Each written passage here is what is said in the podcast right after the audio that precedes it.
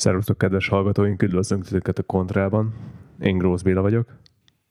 Én Bognár Tamás. És a mai vendégünk pedig...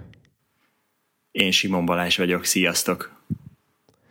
Balást egy olyan témában miatt hívtuk ide, amire elsőre azt gondolnák a legtöbben, hogy egy nagyon benfentes, meg nagyon geek téma a bike fitting. Ez a kellően tudod, ilyen multis környezetű megnevezése a bringa beállításnak de minél többet gondolok arra, hogy mondjuk a bike fitting miről szól, és legtöbben egyébként a berkeken belül arra gondolnak, hogy teljesítmény, teljesítmény, de a, a dolgok legmélyén és a piramisnek a legszélesebb fokai inkább a, a bringa beállításnál sokkal inkább a hatékonyságról, a komfortról és legfontosabb szempontjából a sérülések elkerüléséről szólnak, amiről én azért tudnék egy dalt mesélni, amennyi szírszarságot összehoztam így az életembe. De inkább Balázs tedd meg légy, hogy bemutatkozol, hogy mivel is foglalkozol, mióta is foglalkozol ezzel, és hogy maga a bike fitting mi is egyáltalán. Szóval én 2006-ban kezdtem el országúti kerékpározni, Balatonfüredi vagyok, és ott a környező bringások, a srácok karoltak fel, és ők egyengedték kicsit a, a, az utamat. Aztán megalakult Magyarországon egy Egon Notebook Store nevű csapat, amit a Bringaland elkezdett támogatni, és akkor így kialakult egy olyan kapcsolat, hogy később ez egy munkakapcsolattá vált. Tehát 2000 évszámokban nem vagyok jó, 10-ben vagy 11-ben kerültem a Bringalandba, azt hiszem, hogy 10 év végén. És, és ott mindig mondták a srácok, hogy van egy terem a BG, ahol ilyen bringa beállítást lehetne csinálni, hogyha ez, ez működne, de nem igazán volt ez egy kiforrott rendszer. És akkor én beszéltem a tulajdonossal, hogy én ezt szívesen megtanulnám, és 2012. januárjában én már megcsináltam az első beállításomat. Bocs, hogy beleszólok, de a BG-nél a 70-es évek diszkó csapatára gondolunk, vagy pontosan miről Igen, ezt én se tudtam az elején, hogy micsoda. A BG ez a Body Geometry fit, ez a specialized elnevezése a bike fitre gyakorlatilag. És azért itt ehhez tudni kell, hogy ez azért nem csak annyiról szól, hogy elvégzel egy hatórás tanfolyamot, és innentől expert vagy ebben a témában, hanem gyakorlatilag egy ilyen vég nélküli tanulás az egész folyamat. Így van, így engem ez is mozgat ebben az egészben. Tehát amikor kimentem a képzésre, ez Németországban történt, akkor ott megmutatták ennek az alapját, annak, hogy azt, hogy ennek van egy tudománya nem csak felhúzzuk a nyerget és megyünk, hanem meg kell vizsgálni az ember anatómiáját, diszfunkcióit, mobilitását esetleg. Ennek ellenére azért azt gondolom, hogy ez a képzés ez elég felületes. Ami nekem segített elmélyíteni ezt a tudást, az egyrészt az elméleti képzés, ami, ami edzői képzéseim során hozzájött, ahol gondolok főleg az anatómiára, ami, amit elég mélyen ö, kellett tanulni, illetve hát a tapasztalat. Tehát amikor ezt elkezdtem itthon, akkor volt, biztos, hogy volt, aki foglalkozott bikefittel, de én azt gondolom, hogy így külön, mint szolgáltatás, ez nem nagyon ment itthon. Ez lehet, hogy ti esetleg meg tudjátok cáfolni, vagy erősíteni. Én úgy tudom, hogy ezt úgy különösebben nem, nem csinálta itthon senki. Alapvetően ugye ezek a nagy országút is öregek foglalkoztak olyan szinten, hogy ilyen, na ülj föl rá, ö, két centi lejjebb egyelőre, de igazából az inkább volt egy ilyen varázsgömbenézés, mert emlékszem rá, amikor Pócsföldi Ottó bácsi meglátta az országúti bringámat, és akkor még nem tudta, hogy az enyém, így ránézett így a nagykerbe, na ezen meg ki az a paraszt, aki ül? Hát ugye egy ilyen indítással az ember tök szívesen vesz igénybe bármilyen, Igen.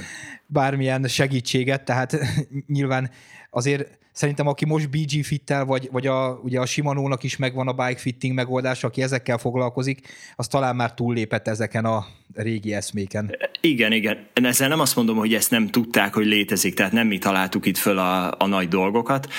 Tisza Zoli például már, már sokkal régebben beszélt arról, hogy Body Geometry Fit, ugye ő Amerikában nem tudom, hogy élt, vagy akkor már onnan jött vissza, vagy nem tudom, de hogy ő azért már ezt ismerte, beszélt róla embereknek, de mint szolgáltatás ezt nem, nem adták. És, és ugye 2012 uh, januárjában csináltam, ezt pont visszanéztem az első beállítást, és, uh, és ez így az évek alatt szépen uh, kinőtte magát, és hát mostanra nem nagyon számolgattam, de biztos, hogy ezer beállítás fölött tartok. Én, én azt gondolom, hogy a bike fitben nem, nem tudsz ennél nagyobb ö, tudást megszerezni, mint maga a gyakorlat. Tehát, hogy annyiszor állítod át a nyerget egy bizonyos pozícióba, és annyiszor kapod vissza ugyanazt a választ, amiről tudod, hogy ha ezt csinálod, akkor ez jó lesz amit egy tankönyvben szerintem nem lehet megtanulni. Egyébként maga ez a BG Fit eljárás, ez, ebbe van különböző tudásszintek, vagy, vagy ez egy tudáscsomag, amit megtanulsz, és akkor utána képezed magad, vagy vannak ilyen különböző szintek, amiket el lehet érni benne? Tehát a Tomi most arra gondol, hogy te most fekete öves bikefitter vagy, vagy esetleg még sárga, sárga vagy narancssárga. Igen, ez úgy működik, hogy azt hiszem, hogy három szintje volt, tehát volt ez a legelső, amit megcsináltam 2011 év végén, akkor utána, ha jól emlékszem, az volt a, a kritérium a következő szintre, hogy legyen száz beállításod. Ha megvolt a századik, akkor elmehetél a level 2-re, és azt hiszem, hogy a level 3 volt, a, ami a Retul Fit, ami igazából nem ad semmivel mélyebb tudást, más eszközökkel ö, történik a beállítás, és az is, azt is megcsináltam talán már egy, hát nem tudom, három-négy éve legalább akkor ezek szerint innen is látszik, hogy hogy gyakorlatilag a gyakorlat az egy ilyen kvázi követelmény is a következő Igen. szinthez, mert ahogy te is mondtad, tehát gyakorlat nélkül nem tudsz ebben fejlődni. Csinálni kell sok-sok-sok. Én azt gondolom, hogy ez, a, ez, a, ez az alap, igen. Ebből az ezer emberből hány esetben volt, amikor csak ide-oda pár millimétert tologattál, és hány embernél volt mondjuk arányaiban agyatlanul elcseszett beállítás. Tehát ami ilyen tényleg rendesen gázolt. Én azt gondolom, hogy nagyon sokan jönnek úgy, hogy figyelj, alapvetően minden rendben van a beállítással, de azért nézzük meg. És, és ilyenkor is azért uh, van módosítás. Tehát az, hogy, az, hogy azt mondtam, hogy figyelj, ez, ez kész, ezt eltaláltad, hát talán, talán egy-kettő esetben. De ami meglepőbb az az, hogy egész komoly versenyzők, akik, akiket ismersz, látsz, akár triatlon, akár országúti vagy mountain bike, olyan pozíciókkal, hogy azt nem, nem, nem hiszem el, hogy ő úgy biciklizik. Igen, ugye én nagyon sokat fotóztam ugye még a Velo.hu magazinos időkben, ugye Balatonkör, Tiszatókör, stb. Tehát ilyen amatőr meg profi, már úgy profi országúti versenyt, hogy ami nyilván nem egy Tour de Hongrie szintű, és tényleg durva volt, hogy még az első két bolyba is láttál ne, nem kevés olyan embert, aki, aki úgy ült a biciklin, hogy láttad a mozgásán, hogy ilyen, ilyen fogtad a fejedet, hogy felhúzva a nyereg az égbe, vagy nagyon lent, vagy nagyon hátul, vagy és, és tényleg hát az első két bolyba még nem illene ilyeneknek lennie. Igen, ugyanakkor azért arra is figyelni kell, tehát nagyon sokszor megy akár Facebookon az, hogy egy kép alapján megítéljük a pozíciót, teljesen rossz. Tehát az, hogy látsz valakit elsuhanni, most ha extrém rossz a pozíció, akkor, akkor leszűröd. De amúgy ezzel óvatosan kell bánni, mert nem tudod, hogy miért olyan. Tehát van az, hogy én is uh, úgy állítom be, hogy azt mondom, hogy nem ezt fogom kitenni Facebookról, hogy ezt én csináltam. De egyszerűen akár az anatómiája miatt, akár a kötöttségei miatt, akár a, a bringa geometria és az ő geometriájának a össze férése, ami ezt okozza, de, de sokszor van olyan, hogy nem, nem néz ki jól. De mégis hatékonyabb, mint ami előtte volt hát meg fájdalommentesebb, meg kényelmesebb. Most itt elsősorban mondjuk egy kormány magasságra gondolok. Meg ugye egy kép alapján nem mozgás közben látod a tekerést, ami egy nagy hátrány. Bár mondjuk nekem, nekem volt annó fogadásom lengyel Tomi barátommal, hogy a Paulin Ferran Pravo mikor fog sérvműtétre szorulni, és mikor fog lesérülni. Abból, hogy láttuk, hogy eltekert mellettünk világkupán, aztán két-három éven belül be is jött. Aha. Tehát, hogy amúgy vizuálisan, relatíve gyorsan, amint tényleg hozzászokik a szemed, és látod azért, hogy mondjam, az emberi mozgásban az a gyönyörű amúgy, hogy elég jól meg tudod ítélni, hogy mi a jó mozgás, és mi a rossz mozgás. Ugye maga a torna is ugye Igen. erről szól, hogy maga a mozgás kultúra, és a kerékpáron is látod, hogy mi az, ami még egészséges, ami még elfér, és mi az, ami már nem, mert egy idő után pont egy ebből a nagyon repetitív, és nagyon-nagyon sokszor ismétlésből adódóan sérüléssel fog. Igen, itt inkább a képekre gondolok. Tehát, hogy egy Facebook kép, amit múltkor például egy, egy lány tett föl egy képet, és akkor ott ment alatt, hogy mennyire rosszul van beállítva, hát azt én állítottam. Ő ott ült, ő ott éppen ült vissza a nyerekbe. Tehát nem, volt, nem ült még a nyergen, és akkor ugye az volt, hogy, hogy mennyire rossz, de hát nem is ült. Tehát egy kép alapján nehéz meg, meg alapvetően ilyen Facebook csoportokban bármilyen egészségre vagy mozgásra vonatkozó tanácsot kérni szerintem életveszélyes dolog, mert, mert mindenki is mindenhez is ért. Veszélyes. Most pedig egy kis reklámblokk következik, de ne menjetek messzire, mert ebben is lesz hasznos információ, utána pedig folytatjuk az adásunkat. A világbajnoki szivárvány csíkok viseléséhez nem árt világbajnokságot nyerni. Március 21-től viszont a Decathlonban is megtalálod a világhírű Santini kerékpáros mezeit és nadrágjait a VB csíkokkal díszítve. Választhatsz a szolidabb fekete vagy az ellenfelek bosszantására szolgáló eredeti fehér alapú szedből és kiegészítőkből is. Nézzük meg akkor fentről lefelé, milyen problémákkal keresnek meg tém, téged. Erről tudsz egy picit beszélni, kérlek? Szóval ha lentről nézzük, akkor ugye a cipőben elég sok probléma tud megjelenni. Nagyon gyakori a külső talpé légése. Ez bringásoknál egy teljesen tipikus probléma. Az anatómiai vizsgálatot egyből egy olyan méréssel kezdem, ami erre világít rá. Tehát ez egy teljesen természetes dolog, hogy az ember mondjuk feltérdelsz egy boxra, lógatod a lábfejed, akkor a lábfejek azok nem teljesen párhuzamosak egymással, hanem lesz egy dőlés, ami akár lépés, akár tekerés közben a terhelést azt a külső talpérre helyezi elsősorban. A Specialized cipői például úgy vannak megcsinálva, hogy a cipő belső első egy harmada az másfél milliméterrel magasabb, mint a külső oldal.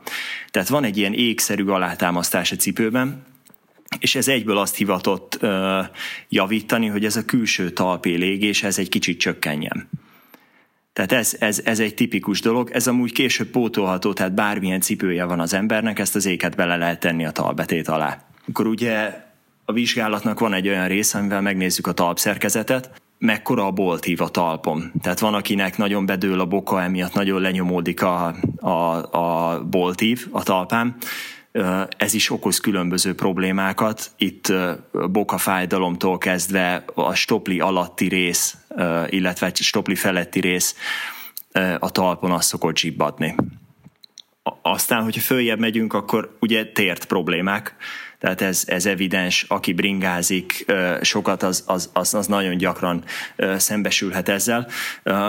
Sokkal könnyebben javítható, mint mondjuk egy futás alatt szerzett tértfájás. Tehát én azt gondolom, hogy a pozíció kiavítása az esetek hát 90%-ában megoldja a tért problémát. Olyanok lehetnek esetleg, amikor valami mobilitási probléma van, akár csípő, akár boka, és ilyenkor szokták mondani, hogy a térd az csak az áldozat de vagy alatta, vagy fölötte lévő ízületben van igazából a probléma.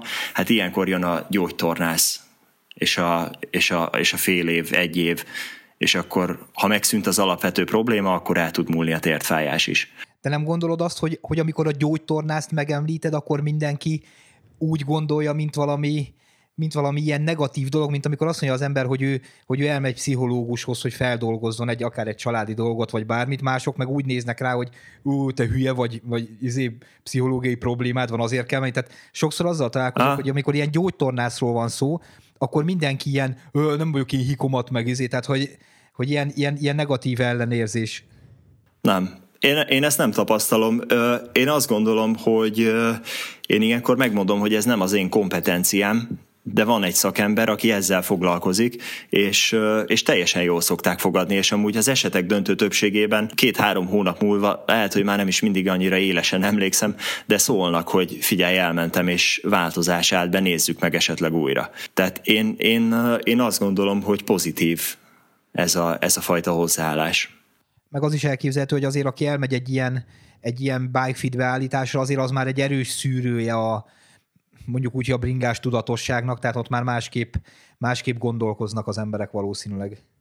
Igen, bár azért erről is tudnék sztorizgatni, hogy olyan magasan ült a srác, hogy billegett a csípője, és mondtam, hogy egy picit tegyem, tegyük lejjebb, és mondta, hogy ne, ne, ne, a nyerekhez ne nyúljunk.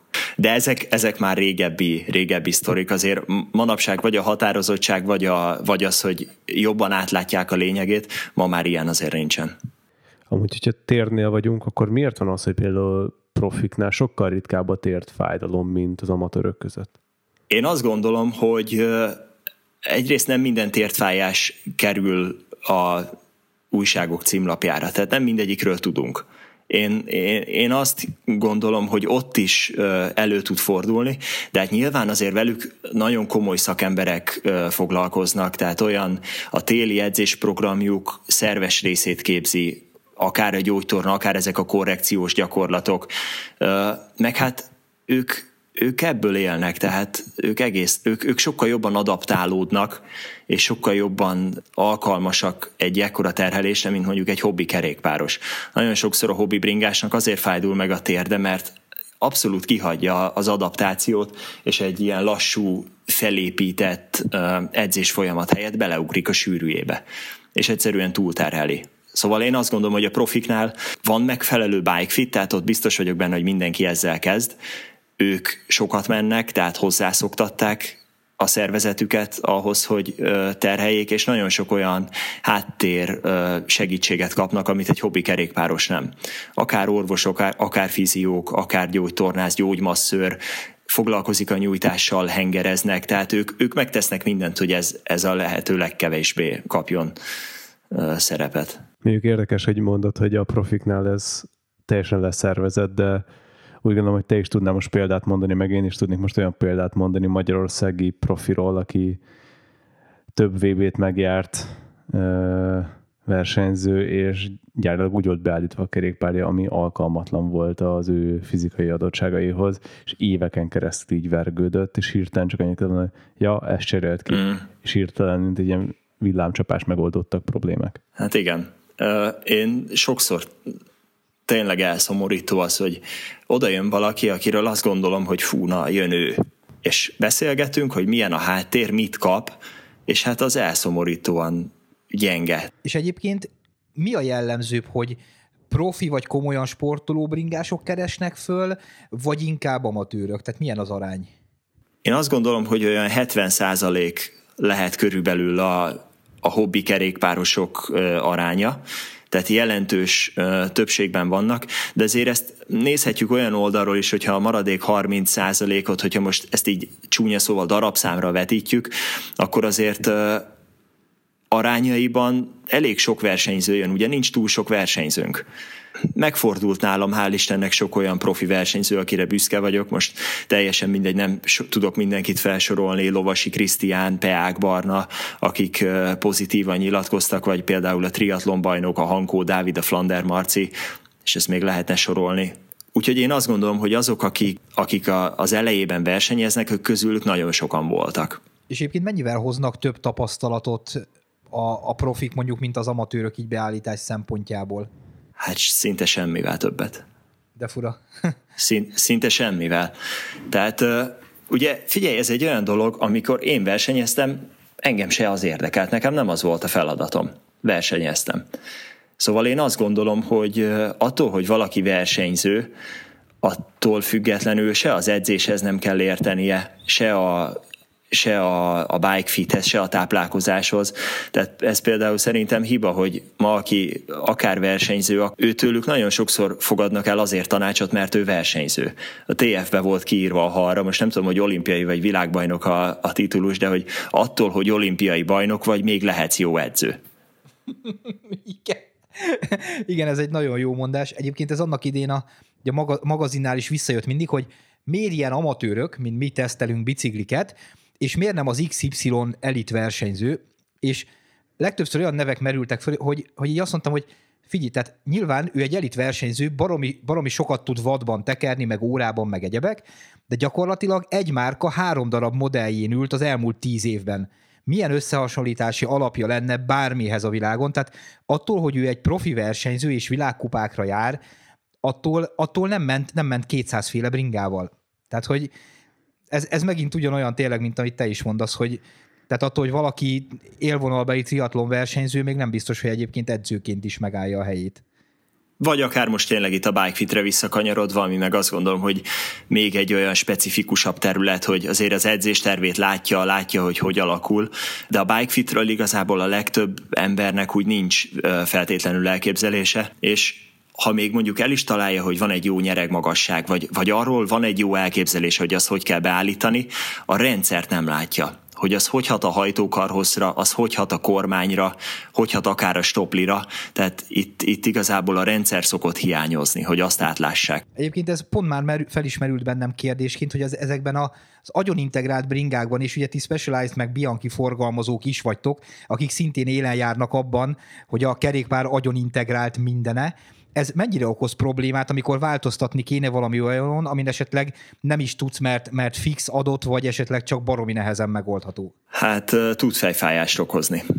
Tehát azt mondjuk, hogy egy nyereg magasságból vágni kell ötször ahhoz, hogy, hogy eltaláljuk a jó nyeregmagasságot, az egy dolog, hál' Istennek nagyon jók a szervizes rácok, és mindig segítenek ebben. Úgyhogy ez egy kisebb probléma, de mondjuk ott van a Venge Vias, aminek még a a mechanikus fék az ugye minden kábel a stucniban ment. És volt olyan, mikor hosszú volt a kormányszár, és a srác hozott rövidebbet. Az, az hat, hat óra. Ja, igen. Hat óra.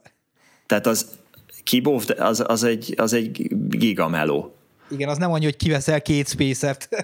nem, nem. Ez ilyenkor teljesen több alkalomra van bontva, tehát megcsinálom, ameddig eljutok, leviszem a szervizbe, megcsinálják a fiúk, visszajön a, a, a bringás, és akkor folytatjuk a, a második felvonással. Nem lehet ezeket egybe megcsinálni legtöbbször és itt azoknak a hallgatóknak, akik esetleg nem annyira, nem annyira követik a technikai dolgokat, ugye nagyon sok karbonváz országúton úgy van megoldva, hogy a nyeregmagasságot alapvetően azzal állítod, hogy a karbon nyeregváz csőből vágsz le, tehát ott nem árt mondjuk eltalálni, oké, hogy van egy pici játéka magának annak a konzolnak, amit fölraksz rá, de hogyha túl rövidre vágtad, akkor gyakorlatilag kuka a váz, tehát itt azért óvatosabban kell játszani, mint mondjuk egy 10-20 ezer forintos nyeregcső esetében.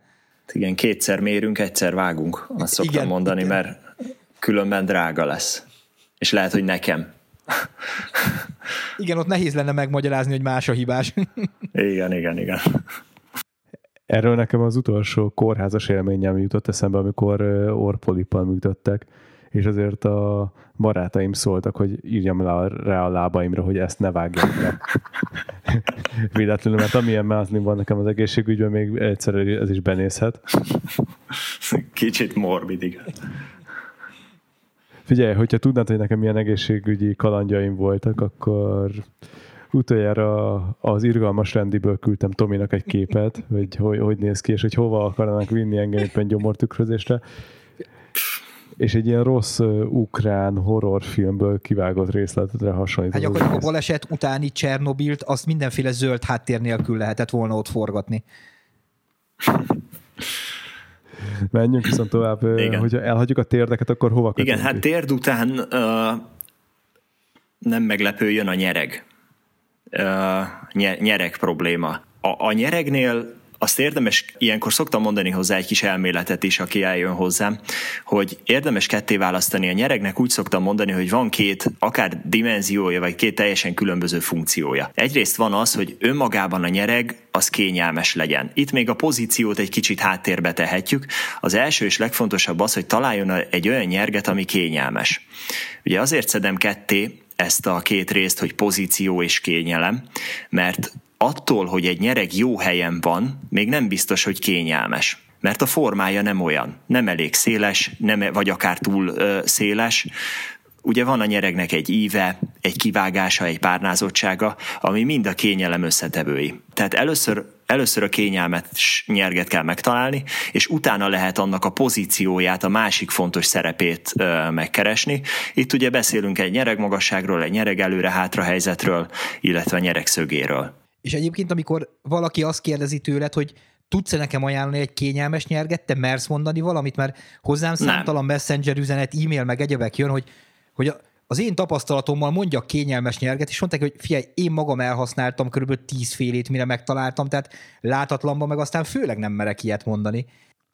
Nem lehet, nem lehet. Tehát vannak, vannak most nem akarok ehhez márkát mondani, de vannak olyan cégek, akik azt mondják, hogy miért meg ezt, miért meg az, hajolj le így, dőj hátra úgy, és akkor majd meg lesz a jó nyereg. Ez csak az értékesítést segíti, nem valós.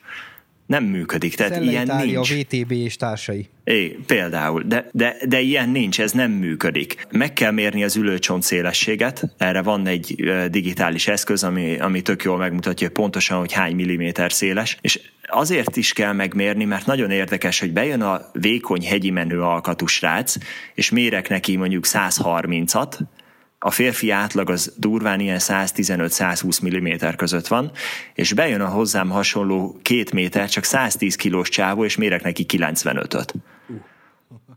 Tehát, hogy még csak azt sem mondom, hogy úgy nagyjából alkatilag ki lehet találni, mert elég komoly különbségek tudnak lenni. A csípőből látszik, de de nem mindig lehet eltalálni. Tehát megméred az ülőcsont szélességet, az egy kiindulási alapnak nagyon szuper, azzal el lehet indulni, de millió olyan összetevője van a, kényelemnek, ami nem mérhető. Az, hogy milyen gyorsan szélesedik a nyereg, milyen a párnázottság, mekkora a kivágás, és ezt lehet sorolni estig. Egyébként ez, ez nagyon jó ez a téma, mert nekem például az eddigi legkényelmesebb nyelgem a Szelle Eseler után, a, igazából a legkényelmesebb eddig az a Specialized Tópe Titán nyergem volt. Aha. És ugye te is ismersz engem, se vékony nem vagyok, se sportos testalkat, stb. És mégis egy olyan vékony filigrán nyereg volt az, ami így a mindig a legkényelmesebb nyereg volt, raktam át bicikliről biciklire, mert gyakorlatilag etalon volt, és mindenki azon rögött, hogy ezt kizártnak tartják, hogy ez nekem jó ez a nyereg. Tehát, hogy és mégis jó volt. Igen, igen. Nem lehet, de, de még csak én azt gondolom, hogy én, én az én tapasztalatommal sem tudok olyan nyerget mondani, ami biztosan jó lesz. Az a jó, én azt gondolom, hogy beállításon van lehetőség tesztelni. Tehát van egy csomó tesztnyergünk, amit odaadok, egyrészt kipróbáljuk közösen, tehát én fölrakom, állítgatom, tekerve, amire a nagy valószínűséggel azt merjük mondani, hogy jó lesz, azt el lehet vinni és ki lehet próbálni és nincs zsákba macska. Ez egy baromi nagy előny, mert azért egy-két napnak el kell telnie, hogy érezd. Tehát, hogyha most akkor nyerek témában vagyunk benne, tök érdekes, és nem akartam a legelején lelőni, hogy ez egy ez a kerékpárbeállítás egy Aha. ilyen életig tartó Igen, hát majdnem, majdnem végeztünk folyamat, az egésszel. mert nekem amikor versenyeztem, például a legkeményebb nyergeken is kényelmesen ültem, de tehát tényleg ez a keskeny, húzat nélküli karbon, imádtam. Nagyon-nagyon szerettem azokkal versenyezni. Én, én azt gondolom, hogy a nyerek kényelmében a párnázottság az sokadlagos és sokszor sokkal jobb a, kény, a kemény nyereg. Gondolj bele egy autóülésbe, amiben beleülsz, belesüllyedsz, fél óra után leszakad a derekad. Egy sportos ülés, ami kemény tart, az, az, az működik, és nagyon sokszor az a baj a puha nyergekkel, hogy nem tesznek különbséget abban, hogy ennek van egy tömörsége is. Tehát attól, hogy a nyereg baromi puha, mint egy habszivacs, amit összenyomsz 10 centit is, az nem tömör. Viszont ha megnézel mondjuk egy speci nyerget, van rajta 2-3 mm gél, ami nagyon tömör, de mégis puha. Nem tudom, ez így, így, így érthető-e. Tehát, hogy ebben nagy különbség van, és az a baj ezekkel a vastag, párna, vastag puha párnázottságokkal, hogy az ülőcsontot kinyomja a párnázottságot, ami megy a lágy részek felé és elkezd, elkezd, elkezdesz rajta zsibbadni. Igen, de ugye az embereknek a zsigeri reflexe pont az, hogy egyébként egy jó széles puha nyerget vegyek, mert az kényelmes. Nagy tévedés, és vannak még ilyen mítoszok, igen. Egyébként volt egyszer egy tesztbringám, amit elhoztam Cseperről, ez egy Giantnek egy cruiser biciklie volt, ilyen brutál dupla rugós, széles nyereggel. A Gubacsi hídig azt hittem, hogy megtaláltam a világ legkényelmesebb bicikliét, és mire így, így mondjuk a, így az Asztória környékére értem, akkor már csak kiállva tudtam vele tekerni. Tehát, hogy ez is fura, hogy oké, mész vele a bolt körül egy kört, és azt hiszed, hogy fú, megtaláltad az Istent, és gyakorlatilag egy fél órával később meg lehet, hogy már átkozod. Igen, menni kell vele mindenképp, és nem is elég egy napot, mert nagyon sokszor előfordul az is, hogy első nap egész jó, de másnap nem bírsz ráülni. Igen, de hogy alapvetően a puha nyereg, tehát hogy ne, attól, hogy puha nem lesz jó vannak ezek a ráhúzható, tudod, ezek a géles húzatok. Mi, mi csak ront a dolgon. Mielőtt beleszóltál volna, és elrontottad volna a sztorimat, azt akartam elmesélni, hogy, hogy tök érdekes, hogy, hogy versenyzőként nekem tényleg a leges legkeményebb nyergek voltak a kényelmesek, és most például totóznom kell, mert ugyanaz a nyereg, ami nekem annó jó volt versenyzésre, az most már nem jó. És, és nagyon komoly problémákat is okoz, és össze-vissza játszok most a nyergekkel, amiért mi beszélgettünk is például még adást megköve, megelőző napokban, hogy ez a nyereg milyen forma, hogyan, miként lenne jó nekem. Tök érdekes, hogy évek múltával az, ami annó jó volt, az nem, nem jó most. Hát ugye mennyit változtál te is? Meg mennyit ülsz, mennyit ülsz uh, bringám most, meg mennyit ültél Mondanám, akkor? hogy sokkal jobb képű vagyok és humorosabb, de valószínűleg nem erről. Igen, tehát hogy alapvetően volt olyan uh, korábbi válogatott bringás, még, még egy-két évet én is versenyeztem vele, aki eljött a beállításra, volt rajta egy mit tudom én, ahhoz képest plusz 20 kiló biztos, meg nem is biciklizik, meg kötött is, mert az íróasztalnál ül, és majdnem ugyanazt a pozíciót akarta. De hát ugye ez elérhetetlen, tehát azt ő már nem tudja jelen pillanatban fenntarthatóan viselni azt a pozíciót. Ez egy érdekes dolog egyébként, amiről beszélsz a pozícióról, mert én arra gondolok, hogy amúgy amikor én versenyeztem, szerintem sokkal kevésbé voltam flexibilis és stabil, mint most vagyok a sok munka ellenére, mert sokkal több kiegészítő dolgot végzek a kerékpár mellett. Tehát annyira egyoldalú volt mondjuk egy évi 30-40 ezer kilométernyi bringázásnak a terhelése, hogy most sokkal több komplementer dolog kerül bele, amiért ad abszurdum még jobban tudnám felvenni azt a helyzetet. Szerintem hatékonyabban. Oké, de azért szerintem ez egy ritka kivétel, amikor valaki mondjuk úgy, hogy idősebb korában kezd el nagyon sokat foglalkozni ilyenekkel.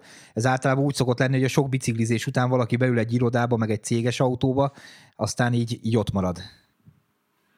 Igen, meg itt is szerintem az adaptáció a fontos, tehát hogy akkor, akkor te nagyon arra a pozícióra és nagyon arra a mozgás mintára voltál berendezkedve, és és ezért érezted azt, hogy az, az egy elviselhető, még akár úgy, hogy, hogy a mobilitásod nem is volt az igazi.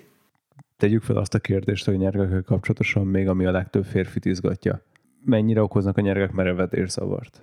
Én nem találkoztam ilyennel. Én azt gondolom, hogy ha ki van vágva a nyereg megfelelően, és, és jó a pozíció, és figyel az ember akár egy ilyen otthoni bikefitting alatt arra, hogy ne legyen a nyeregorra magas, mondjuk. Ami ilyen egészen kirívó dolog, de nagyon sokan jönnek úgy, hogy magas a nyeregorra, ami egyértelműen szétnyomja a lágyrészeket, akkor én azt gondolom, hogy, hogy ez nem, nem, egy, nem egy gyakori dolog. Tehát nagyon, szerintem mire az ember eljut egy ilyen komoly problémáig, ott olyan komoly fájdalmak kell, hogy legyenek, hogy az jelez. Tehát az nem úgy történik, hogy, hogy elmész bringázni, és egyszer csak hazaérsz, és gond van. Tehát ez, ez én azt gondolom, hogy az már egy olyan szintje ennek a dolognak, ami húzamosan egy, egy, egy jelenlévő probléma után történhet meg. Tehát most biztos, hogy ezt nem is mindenki mondaná el ilyen nyíltan, de még ilyennel nem találkoztam a beállítások alatt, hogy ilyen problémát mondtak volna. Teszem hozzá, volt egy urológus orvos, aki, aki bringáját csináltatta, ő mesélt problémákat, de ő sem ilyen szintig. Haladjunk tovább? Akkor most, hogy itt megbeszéltük az ilyen merev témákat? Mehetünk. Mi, mi következik a konyerg nyereg után? Mert ha lóg a kezem, akkor a kezemet tudnám elképzelni, vagy a vállaimat, meg a hátam? Az ágyéki gerinc szakasz. Tehát a dereka a, a bringásoknak az ami, az, ami szokott fájni. Ez jellemzően a, a túlzott előrenyúlástól, vagy a rossz nyerekpozíciótól ö, szokott előfordulni, meg hát nyilván ugye itt is benne van az, hogy egy irodában ülő ember ö, nek amúgy is sokan hozzáteszik, hogy de amúgy is a hétköznapokban is hátfájós vagyok. Aztán az ágyéki gerinc után a lapockák közötti izmok, ugye a rombuszizom, a trapézizomnak az alsó-felső része az, ami problémás szokott lenni. Ez már, ez már szinte, szinte mindig a kormány pozíció miatt jön elő. Most kormánypozíciót említetted, akkor itt mi, mi az, ami legtöbb esetben előjön? Mi az, ami problémát okoz? Az, hogy túl hosszú, túl nyújtózkodós a, a pozíció. Tehát az esetek döntő többségében a, a, én azt látom a kormánynál, hogy mondjuk mit tudom én, tíz esetből kilencszer rövidebb kormányszár kell, és egyszer kell hosszabb. Tehát na- nagyon előre nyúlnak. A fékváltó kar, az gyárilag is szervizből kihozva, az mindig rosszul van szinte fölrakva. Tehát csak azzal, hogy a fékváltó kart jól beállítom, másfél-két, akár három centis különbség érhető el abban, hogy egy teljesen kinyújtott kéz, ez mennyire kell, hogy előre nyúljon. Gyakorlatilag az összes szöget változtatja, csukló, vál, könyök, mindent. Így van. Így van, így van. Tehát a, azzal, hogy a fékváltókar és a kormány egymáshoz képest ö, jól van felrakva, az hatalmas különbségeket eredményez az egész pozícióban. És sokszor megúsztuk amúgy a kormányszár cserét csak a fékváltókarok állításával. Aztán ezután szokott jönni, hát ugye, amit mondtál te is, hogy a váll, a nyak ö, problémák, ez megint csak a, a, a kormánypozíció. Ugye a felfelé nézéstől, ahogy az ember tartja a fejét, ott nagyon sokszor beszokott uh, görcsölni a uh, nyakizmok, a, a trapéz felső. Én azt gondolom viszont, hogy ez nagyon sokban az adaptáció múlik. Tehát ez, ez egy olyan probléma szokott lenni, ami egy-két hét tekerés után elmúlik, hogyha valaki kezdő, kezdőként tapasztalja ezt a problémát. Nyilván, hogyha valaki már régóta bringázik, és ez jelen van, akkor már itt nem az adaptáció a, a nem az adaptáció hiányzik, de ez egy olyan probléma, ami el szokott tűnni. És egyébként most itt nagyon sokszor ugye országúti bringás dolgok jönnek elő, tehát országúti fékváltók, arról beszéltünk egyebek. Hegyi kerékpárosok vagy trekking biciklisek is veszik, igénybe veszik ezt a szolgáltatást, vagy, vagy főleg az országút az, ami a jellemző? Idén már érdekes, hogy volt, volt több olyan, aki trekking bicóval jött el, én egy kritériumot szoktam szabni a bike fithez, az az, hogy legyen cipőpedál kapcsolat. Tehát SPD pedál. Tehát akár SPD, akár lukrendszer. Igen, tehát ha ez nincs meg, és egy sima edzőcipőbe teker az illető, akkor kicsit feleslegesnek érzem ott a milliméterek méricskélését. Ugye egy-két centivel odébb teszi a lábát, az egyből befolyásol, befolyásolja akár a nyeregmagasságot, mindent gyakorlatilag. A montisok aránya az olyan, én azt gondolom, hogy az összes beállítást tekintve olyan 10-15-20 százalék maximum. Egyébként náluk nem annyira kirívóak az eltérések, vagy, vagy egyszerűen csak a montisok nem jutottak még el odáig, hogy ez ennyire fontos lenne? Inkább előbbiről van szó szerintem. Tehát egy Montin annyira dinamikusan változik a pozíció pillanatról pillanatra, hogy, hogy szerintem sokkal kevésbé jut szerephez. Nyilván, hogyha magas a nyereg, vagy nagyon alacsony, akkor ott sem fog tudni megfelelően teljesíteni, de azt gondolom, hogy sokkal nagyobb az a bike fit window, amit szoktak mondani, hogy nem pont a 723 mm-es nyeregmagasság lesz a tökéletes, hanem a 724, meg a kettő is jó lesz. És e, azt gondolom, hogy a mountain bike-ban ez az ablak, ez sokkal nagyobb. Ez egy sokkal tágabb keretet ad a beállításnak. Igen, egyébként ez a nyereg magasság egy érdekes dolog, mert ugye mi nagyon sokat, ugye te is ismered Takás Tamást, ugye Tufit, mi nagyon sokat jártunk ugye bringát tesztelni együtt, és ő gyakorlatilag Montin is országútin is milliméterre be kellett, hogy lője a nyereg magasságot ahhoz, hogy ne legyen problémája vele. Én meg egy-két centit simán tudtam tolerálni fölfelé vagy lefelé. Tehát, hogy valószínűleg aki, aki országúton töltötte az élete nagy részét, az sokkal jobban beszűkítette azt a sávot, amiben ő komfortosan érzi magát a bringán. Nagyon sokszor tapasztalom azt, hogy van akinél egy-egy milliméter is olyan, hogy azt a mekkora változás, van akinél másfél-két centit állítok, és most állítottál valamit? Amúgy volt olyan válogatott bringás, magyar bajnok is volt, akinek elállították Pesten a nyergét másfél centivel, magasságot, és mit tudom én, 150 kilométerrel később mondta, hogy valami olyan fura. Nem volt egy gyors reagálás. Tehát ilyen is van. I- i- ilyen is van, igen. Igen, tehát van, aki érzékeny a különbségekre, van, aki, van, aki egyáltalán nem. Ebből a legdurvább az az, ezt, ezt elmesélem, mert szerintem ezt tetszeni fog, hogy uh, ugye ismeritek a Kampa hajtókarokat, hogy hogy lehet felrakni. Tehát az nem, az egy bordázott tengely, és ugye ha az egyik 12 óránál áll, akkor a másik 6 óránál áll. Igen. És jött egy srác, már sejtitek, miről van szó, jött egy, jött egy srác, fölült, különösebben ez nem tűnt fel, elkezdett tekerni, de nagyon furán tekert, és ugye azonnal kiszúrtam, az egyik 12 óránál volt, a másik olyan 4 óránál és az egész, tele, az egész telet végig görgőzte. Tudod, hogy át tudta forgatni és nem vette észre. tekerve. Igen, igen, igen. Igen. Úzi, az durva. Szóval van, aki érzékeny a különbségekre, van, aki nem. Van egy srác, az azzal fáraszt, nem hiszem el, hogy megérzi a nyerek szögén, hogyha kopott a hátsó gumi. Uh, uh. Na, szóval ez meg a másik véglet. Mondjuk, ha egy vészfékezésben kopott simára, akkor azt tényleg meg tudod érezni, de egyébként... Nekem amúgy az erről a nézetem, hogyha valaki egy-egy millimétert ennyire érez, akkor ott valószínűleg a, a fiziológiájában valami nincsen rendben. Tehát, hogyha ennyire nem tolerálja a szervezeted a változást, amit ha be csak logikusan belegondolsz, elmész hogy három órát biciklizni, akkor maga a farizmok egyébként összenyomódnak legalább egy, kettő, három millimétert, meg a betét vizesedik, mert átázik, tralalala, bármi történik. Tehát a pozíciód mindig változik, és hogyha egy milliméter ekkora gondot okoz, akkor érdemes elmenni azért egy gyógytornászhoz, hogy mégis mi a gond, amiért te ennyire érzékeny vagy. Igen, ez egy érdekes dolog, én is így gondolom amúgy, tehát ha valaki egy-két milliméter nem tud, és erre is van az, amit korábban mondtam, ez a bike fit window olvastam egy érdekes cikket egy fizióval, aki azt mondta, hogy, és van benne valami, hogy érdemes havonta egy-egy millimétert módosítani a pozíción mert segít az adaptációban, és egy picit mindig, mindig más szögből kapja az izomaterhelést.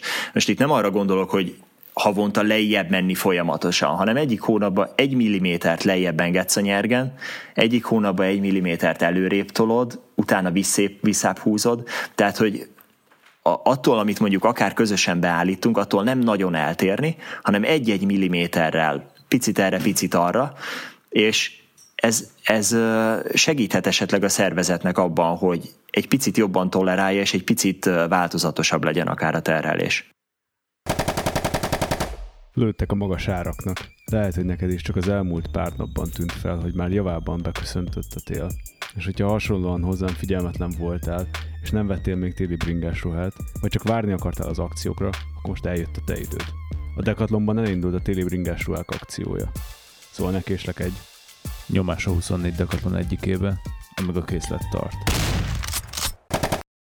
hogyha most itt vagyunk a változtatásoknál, meg a beállításnál, mi az, amivel a legelsőként tényleg érdemes elkezdeni, és akkor most megválaszolhatod azt a fél órával ezelőtti kérdésemet is, hogy mivel jelentkeznek a legtöbb problémával. Én azt gondolom, hogy mielőtt valaki eljön egy bike fitre, érdemes egy-két, tehát van egy-két olyan dolog, amit meg tud csinálni magának, ami ilyen teljesen ö, kézenfekvő dolog kéne, hogy legyen, de, de mégis azt tapasztalom, hogy nem az. Tehát az, hogy a nyereg mondjuk előre nézzen tehát párhuzamos legyen a vázzal. Ez, ez olyan gyakran előfordul, hogy ferde a nyerek, hogy az hihetetlen, és igazából az egész beállítást elrontja. Tehát az nem elképzelhető, hogy bármi okból kifolyólag az indokolt ez legyen. Ez tűnik, mint az, hogy vízszintes legyen a nyereg. Igen, de, de nem az. Tehát a nyereg nézzen előre, ez az első, amit az ember otthon meg tud nézni magának. Akkor az, hogy amit te mondasz a vízszint, de semmiképpen ne legyen magas az orra. Tehát, hogyha egy-egy fok minimálisan lejt az orra, az még azt mondom, hogy még lehet ö, esetleg benne valami, de, de az, hogy felfelé álljon az orra, az semmiképp. Például a stoplinál is nagyon gyakran látom azt, hogy teljesen aszimmetrikus van az a helyzet, amikor az indokolt, amikor a lábhoz különbség a felső lábszárban van, akkor azt a stopli aszimmetrikus mozgásával lehet javítani, ha csonthosszban van a különbség. De, de ez ritka. Tehát azt is érdemes megnézni, hogy ez körülbelül, ha az ember beteszi középre, akkor az már olyan nagyon rossz nem lesz valószínűleg. Egyébként a stopli beállítás az szerintem pont olyan, amit nem is tudom, hogy bringaboltok miért nem veszik ezt komolyabban, mikor cipőket eladnak, tehát szerintem egy átlagos biciklis képtelen jól beállítani, tök mindegy, hogy országúti vagy monti stoplit, mert mert az az alaptudás sincs meg hozzá, és nyilván lehet ilyen beállító eszközöket kapni aránylag olcsón is, de szerintem ez körülbelül olyan, mint hogy láncnyúlás mérője sincs a legtöbb embernek, tehát i- ilyet sem vásárolnak, pedig pont a Topiknak van például, vagy nem is a Topik, az Ergonnak van Montis Toplihoz valami 5000 forintért beállító sablonja, ami nyilván nem annyira tökéletes, mint amikor egy bike fitten beállítod, de már egy fényévvel jobb, mint hogyha teljesen rosszul magadnak fölrakod. Igen, itt ugye az a probléma, hogy ezekkel az eszközökkel szuperül föl lehet rakni szimmetrikusan. Viszont van egy olyan síkja a stoplinak, ami az oldalirányú pozíció, azt tekerés közben látom, hogy hogy lesz jó. Tehát a, ott, akinek mondjuk szélesebb a csípője, annak egészen be kell tolni a stoplit a cipő belseje felé, hogy a cipők is kijöjjenek, és ezáltal, ha szemből nézem a hajtást, akkor a forgótért Boka 3 az egy vonalon, a talajra merőlegesen mozog. Nagyon sokszor vesz föl a hajtás akár ilyen V alakot, akár egy, egy ilyen háromszög félét, hogy a lábfej az, az terpeszt, és ilyen terpeszben teker, ez ugye a térdizületet megint csak elég erősen bántja. Ez volt egy idő, amikor ez trendi is volt, hogy emberek így tekertek. Én erre emlékszem, hogy ez nagyon aeró hmm. volt, és kegyetlen mennyiséget láttál, hogy mennyire ilyen beesett térdekkel tekergéltek emberek. Akiknek rendesen le volt kopva a felső vászcső, mert beleért a lábuk tekerés közben. Igen, ugye ez, hogy aeró. Én azt gondolom, hogy attól, hogy valaki bedönti a térdét, attól az nem lesz aerób, mert az a négyzetcenti vagy négyzetmilli, ami az ő lába, az ugyanannyi lesz bedöntve is, mint egyenesen. Szóval szerintem itt az aeróban ebben nincs ráció. Inkább ez így fejben, hogy összehúzzad magad, de igazából nincs értelme. Csak probléma volt ezzel a elképzeléssel, nem csak itt a aeró szempontból. De figyelj, hogyha le akarnánk egyszerűsíteni, ugye mondtad, hogy mondjuk legyen egyenes a nyereg, de nyereg magasságot, mondjuk ha valaki be akarna lőni magának, tényleg ökölszabálya, hogy ne nulláról induljon, akkor ott mi a szempont? Elég sok ilyen neten felelhető mérce van. Megmondom őszintén, nem is tudom a pontos számot, hogy van ez, hogy a belső lábhozt megméri, és akkor 0,88-al kell, azt hiszem, valami ilyesmi. Hát vagy a szakember. Igen, de nem is használom ezeket. Illetve a, a nyerekben ülve a sarkadat rárakod a pedálra, akkor legyen majdnem Igen. teljesen kinyújtva és itt a majdnem teljesen az már rögtön egy jó igen, igen. teret ad. Igen, igen, és én pont ezért nem szeretek ilyeneket mondani, mert az a baj, hogy például ezek a belső láposzt mérjük meg, például jönnek hozzám úgy, akár korábbi bikefit jegyzőkönyvekkel, hogy több oldalas PDF-ek, ilyen-olyan értékek, lemérték a kézhozta, lábhozta, ezeknek semmi értelmük nincs. Ezekben hasznos információ nincsen. Tehát én azt gondolom, hogy például ez a belső lábhoz, és akkor ez alapján osztjuk, szorozzuk valamivel, és kijön a nyeregmagasság, ez például a stopli helyzetét automatikusan kitörli a képletből, ami ugye egy elég meghatározó dolog. Tehát a nyereg magasságra komoly hatással van az, hogy a stopli mennyire van előre vagy hátra tolva. Szóval én nem használok ilyeneket. Kicsit olyan, mint pulzusnál a 220 mínusz életkor. Hát igen, és sajnos van egy híres Na mindegy, van egy egyetem, ahol Jaj. még ezt tanítják. De úgy most azon gondolkoztam, hogy ugye nyilván ezek ökölszabályok alapján választ az ember vázméretet is. És hogyha nem tudunk magunknak egy váz magasságot ökölszabály alapján belőni, akkor igazából rendes vázméretet is nagyon komplikált ö, találni. És akkor itt a ördögi kör, ö, nemzetközi összeesküvés és egy kabalt felfedünk, hogy Valójában ugye mindegyik kerékpárgyártó standardek alapján gyártja le a méreteket. Ő kitalálja azt, hogy egy 56-os vázmérethez mekkora stucni, mekkora hajtókar kell, amit neked így, egy, így kezi csókolom átad egyben, de hát ugye mivel mindannyian egyediek vagyunk, mint egy kis hópihe, és most be, legszívesebben bejátszanám egyébként a Frozennek a főcímdalát. Levághatod majd. Számom. És egy picit el is pityergem magamat közben, de hát hogy gyakorlatilag az a bringa nem is biztos, hogy a váz méretében egyáltalán megfelel nekünk, nem hogy a hajtókar, vagy a nyereg, vagy a kormány szélességében. Én azt gondolom, hogy a vázméretet azt, azt sokkal könnyebb megtalálni, sokkal több olyan netes forrás van és segítség van, ami segíthet. Ugyanakkor a mai idén is volt nem egyszer sajnos az, hogy lent kezet ráztunk a érkező bringással, aki jött a beállításra, és mondtam, hogy a teremig viszont már nem megyünk el, mert látom, hogy nem jó. Tehát, hogy annyira nagy, vagy annyira kicsi, és, és a szomorúbb ebben inkább az, hogy döntően szakkereskedés ahol, ahol ezt vásárolták. Tehát én azt gondolom, hogy egy, egy kerékpár az, az egy nagyon komoly összeg is tud lenni ha valaki biciklit szeretne venni, az menjen el egy olyan boltba, ahol, ahol van, és azért Pesten is van egy jó pár, ahol tudnak segíteni. Tehát ne akarja magának kitalálni. Tehát például vannak olyan gyártók, akik ugyanezt csinálják, megméretik a belső lábhozt, testmagasság egy-két adat, és akkor abból kijön valami vázméret. Van, aki ezt profi szinten csinálja, de van, aki nagyon bénán. Tehát attól, hogy megmérjük a belső lábhozt, és, és pont ez ebbe buknak bele sokan, hogy megmérik a belső lábhozt, ahhoz ajánlanak egy vázméretet. De miért pont a belső lábhozt, mikor ugye ez a nyereg magasságra van hatással, amit a legegyszerűbb állítani a biciklin? És a vízszintes felsőcsőhoz meg a legfontosabb. Hát ez az, és azzal meg senki nem, vagy legtöbbször azzal nem foglalkoznak, és ugye ebben nagyon sok probléma van, tipikusan azok a lányok, akik, ugye csajoknak általában hosszabb a lábuk, van egy nagy belső lábhoz, hozzá egy rövid felsőtest, és mindig küzdünk, mert nem érik el a kormányt. Meg szerintem azért a bringaipar is sokat tett abban, hogy ez nehéz legyen, mert emlékszem, tíz évvel ezelőtt nekem minden gyártó MS modellje Montiba jó volt.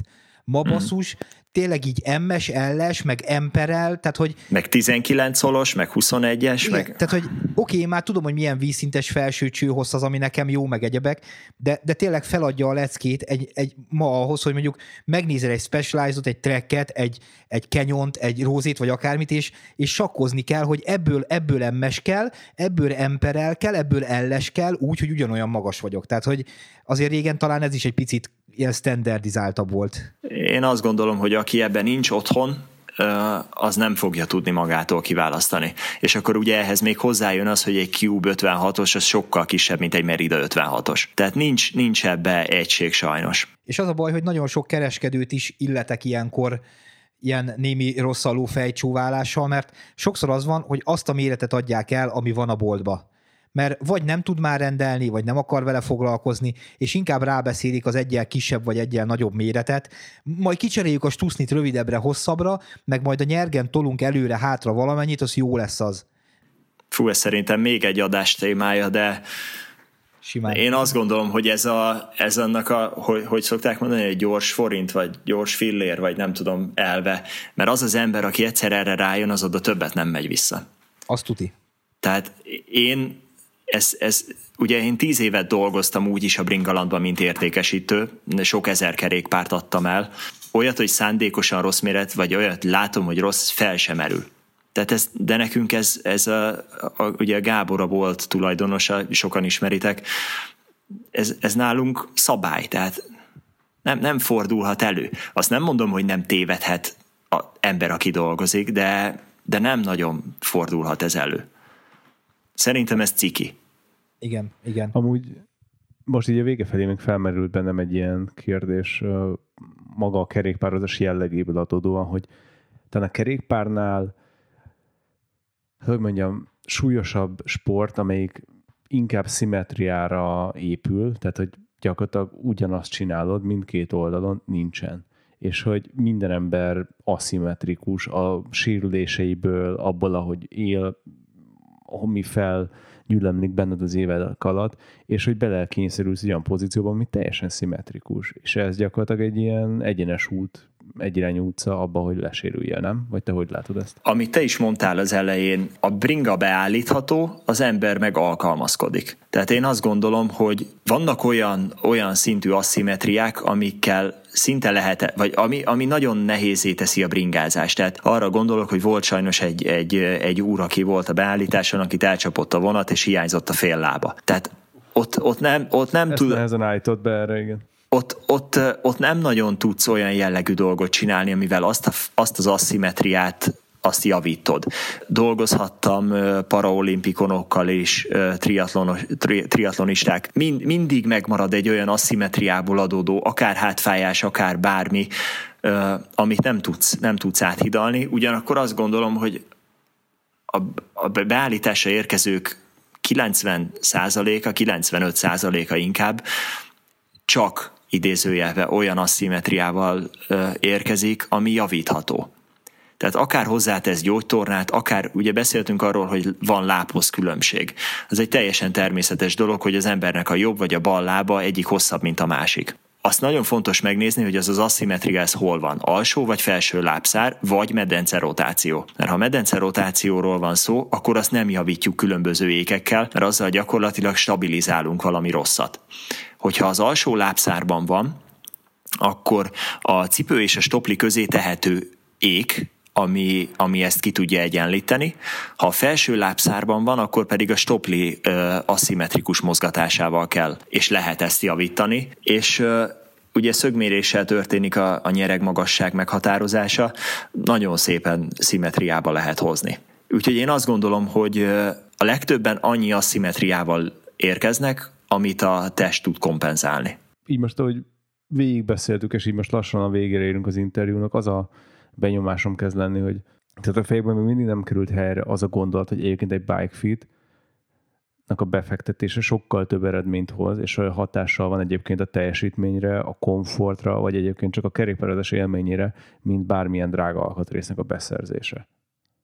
Hát nem tudom, hogy ezt itt mondhatom-e, ugye 30 ezer forintba kerül egy beállítás, ez a Specialized által meghatározott. Tehát ők azt mondták, hogy vagy csinálod 100 euróért, vagy nem csinálhatod. Ugye most a 100 euró már ennél több, de ez, nem kicsit. Ez, igen, ez, ez 30 ezer forintba kerül egy ilyen testre szabás. Egy olyan nyereg, ami egy arany középút, tehát nem a Aldi turkáló kosarából, és nem egy karbonra gondolok, az 30 ezer forint, 35 ezer forint. A mai napig minden második ember azt mondja, hogy van már otthon három, meg amúgy két kormányom, és fél éve szívok vele. Én azt gondolom, hogy ez a beállítás, ez, ez két-három óra alatt, esetleg egy második alkalommal, ami mondjuk még plusz egy óra, ezeket a problémákat szinte kivétel nélkül megoldja. Hát meg ugye arról beszélünk, hogy most nagyon sok esetben, és te is profi sportolókra utaltál ennél, akik, akik jönnek hozzád, de valójában most az amatőröket, én arról beszélek, hogy akik tényleg csak hobbiból kerékpározgatnak mondjuk, és elmennek mondjuk Visegrádra, vagy akármit, de jó, oké, van mondjuk már egy